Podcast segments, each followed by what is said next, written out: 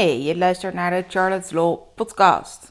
Dit is een opname van een van de video's, dus ook die kun je terugkijken. Elke dinsdag is er een nieuwe te vinden op YouTube. Charlotte, de social media jurist van Nederland. Ik zit hier vandaag weer met Mariko van Sell Your Stuff Online. Uh, zij weet heel erg veel over uh, branding en over marketing. En ik heb natuurlijk al heel vaak verteld over hoe je bijvoorbeeld aan gratis beelden kunt komen. Dat ik vind dat je eigenlijk ook wel gewoon je eigen afbeeldingen moet maken of moet laten maken. Uh, huur bijvoorbeeld gewoon een fotograaf in. Um, zorg dat je branding eventueel dus ook uitbesteedt. Uh, maar ik heb aan Marco nog wel een paar vragen over hoe je dat nou uh, marketingtechnisch het beste kunt doen. Um, want we kennen bijvoorbeeld natuurlijk heel veel van die goede bronnen. Hè? Die heb ik heel vaak verteld. Pexels, Unsplash, uh, nou, uh, noem het maar. Daar kun je gewoon gratis beeld vandaan halen. Daar zit ook best wel heel veel mooi beeld bij. Ja. Maar hoe verstandig is het nou om dat soort stokfotografie te gebruiken? Um, nou, ik zie wel een verschuiving het laatste half jaar. Um, dat uh, ja, steeds meer mensen vinden die bronnen. Dus als je heel goed gaat opletten, zie je de beelden continu voorbij komen. Ja. En ergens vind ik, denk ik, in je onderbewustzijn, uh, zie je dat toch. Ik denk dat je klant dat ook ziet. En dat voelt uh, redelijk fake. Uh, ik heb zelf ook veel stok gebruikt. En ook voor nou, klanten. En zeker als er weinig budget is, is het natuurlijk een super oplossing. Maar wat ik dan wel adviseer is dat je, uh, als het natuurlijk mag, als het uh, wordt aangegeven dat je het mag bewerken, dat je het bewerkt. Dus dat je er echt iets eigen van maakt. Dat je een gedeelte gebruikt, een uitsnede of uh, dat je iets spiegelt of een andere kleur maakt of iets eroverheen zet. Dus dan Precies. maak je het een beetje eigen. En dan ja. dat, is de wereld, ja, dat maakt een wereld van verschil. Als je dan dus inderdaad afbeelding gebruikt met bijvoorbeeld zo'n CC0 licentie, en dat is van Creative Commons. Maar waarmee mensen eigenlijk aangeven dat ja, min of meer hun afbeeldingen in het publiek domein brengen. Wij ze zeggen, nou, naamsvermelding is niet meer, mogen, uh, niet meer nodig. Je mag er eigenlijk alles mee doen wat je wil. Uh, behalve die afbeeldingen als zodanig gewoon weer doorverkopen. Maar voor jezelf ja. inderdaad dat soort aanpassingen maken. Dat mag gewoon. Dus zoiets als Unsplash en Pexels en zo, zij bieden CC0 aan als je uh, bijvoorbeeld meer Nederlandse beelden zoekt en je wil dat via Flickr doen, dan kan dat ook. Um, maar dan moet je eigenlijk opletten dat het in elk geval een SE heeft van share alike. Um, dan mag je het ook nog bewerken namelijk. Um, maar dan moet je ook opletten dat als je het als webshop wil gebruiken, dat je hem ook commercieel in mag zetten. En het nadeel daarvan is wel dat je altijd aan naamsvermelding moet doen. Ja. Uh, dus altijd weer terug moet linken naar waar je uh, de foto vandaan hebt. Dus dat vind ik zelf niet zo heel praktisch. Maar nou ja, hè, soms zou dat bij een blogpost of zo misschien nog wel kunnen. Ja, ja. Um, maar hoe zit je bijvoorbeeld met, hè, um, als, het, nou, als we het inderdaad over webshops hebben.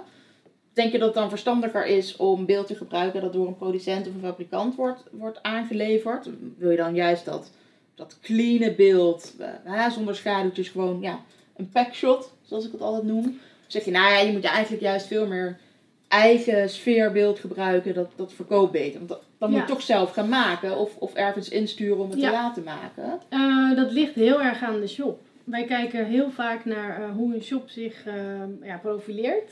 En in welke branche het um, opereert. En wat ook heel erg slim is, is uh, stel nou dat je met affiliate marketing wil gaan werken. Dan heb je je producten op een witte achtergrond nodig. Want anders krijg je die feed nooit naar bijvoorbeeld uh, ja, bol.com of iets Mhm. dergelijks. Die willen gewoon precies dezelfde soort afbeeldingen.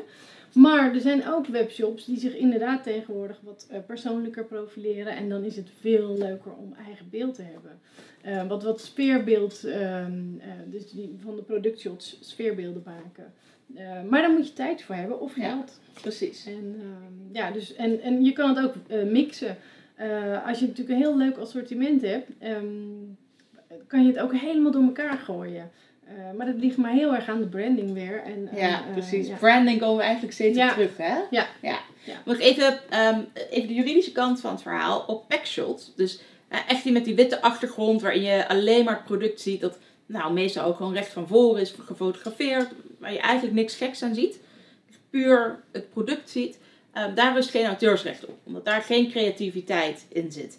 Er zijn ook al wel meerdere gerechtelijke uitspraken over geweest, juist omdat webwinkels ook wel eens beeld van elkaar uh, lenen. Um, nou ja, packshots mogen dus gewoon gebruikt worden, omdat daar geen auteursrecht op rust. Uh, maar sfeerbeelden, als je die ergens anders tegenkomt, die mag je dus niet zomaar overnemen.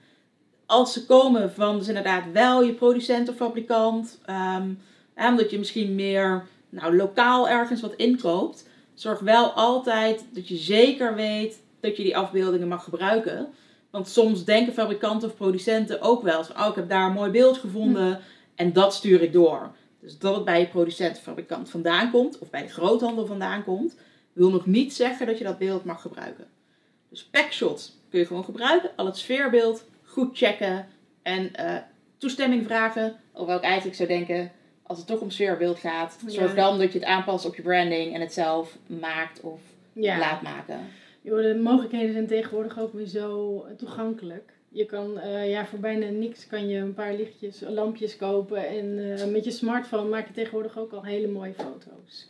Precies. Dus uh, daar wil ik ook absoluut de fotograaf natuurlijk niet mee voor het hoofd stoten. Want heb je dan weer beeld nodig voor, met modellen of wat groter beeld, wat scherper beeld voor je, voor je header bijvoorbeeld, dan zou ik dat toch kijken of ik dat professioneel zou kunnen ja. Je krijgt geen mooie weekendbeelden die je zelf maakt. Dan moet je toch even iemand voor inhuren. Ja, maar als, gaat het echt om je product, gewoon in de, bij de productpagina of je artikel, dan eh, zou je dat best zelf even kunnen proberen.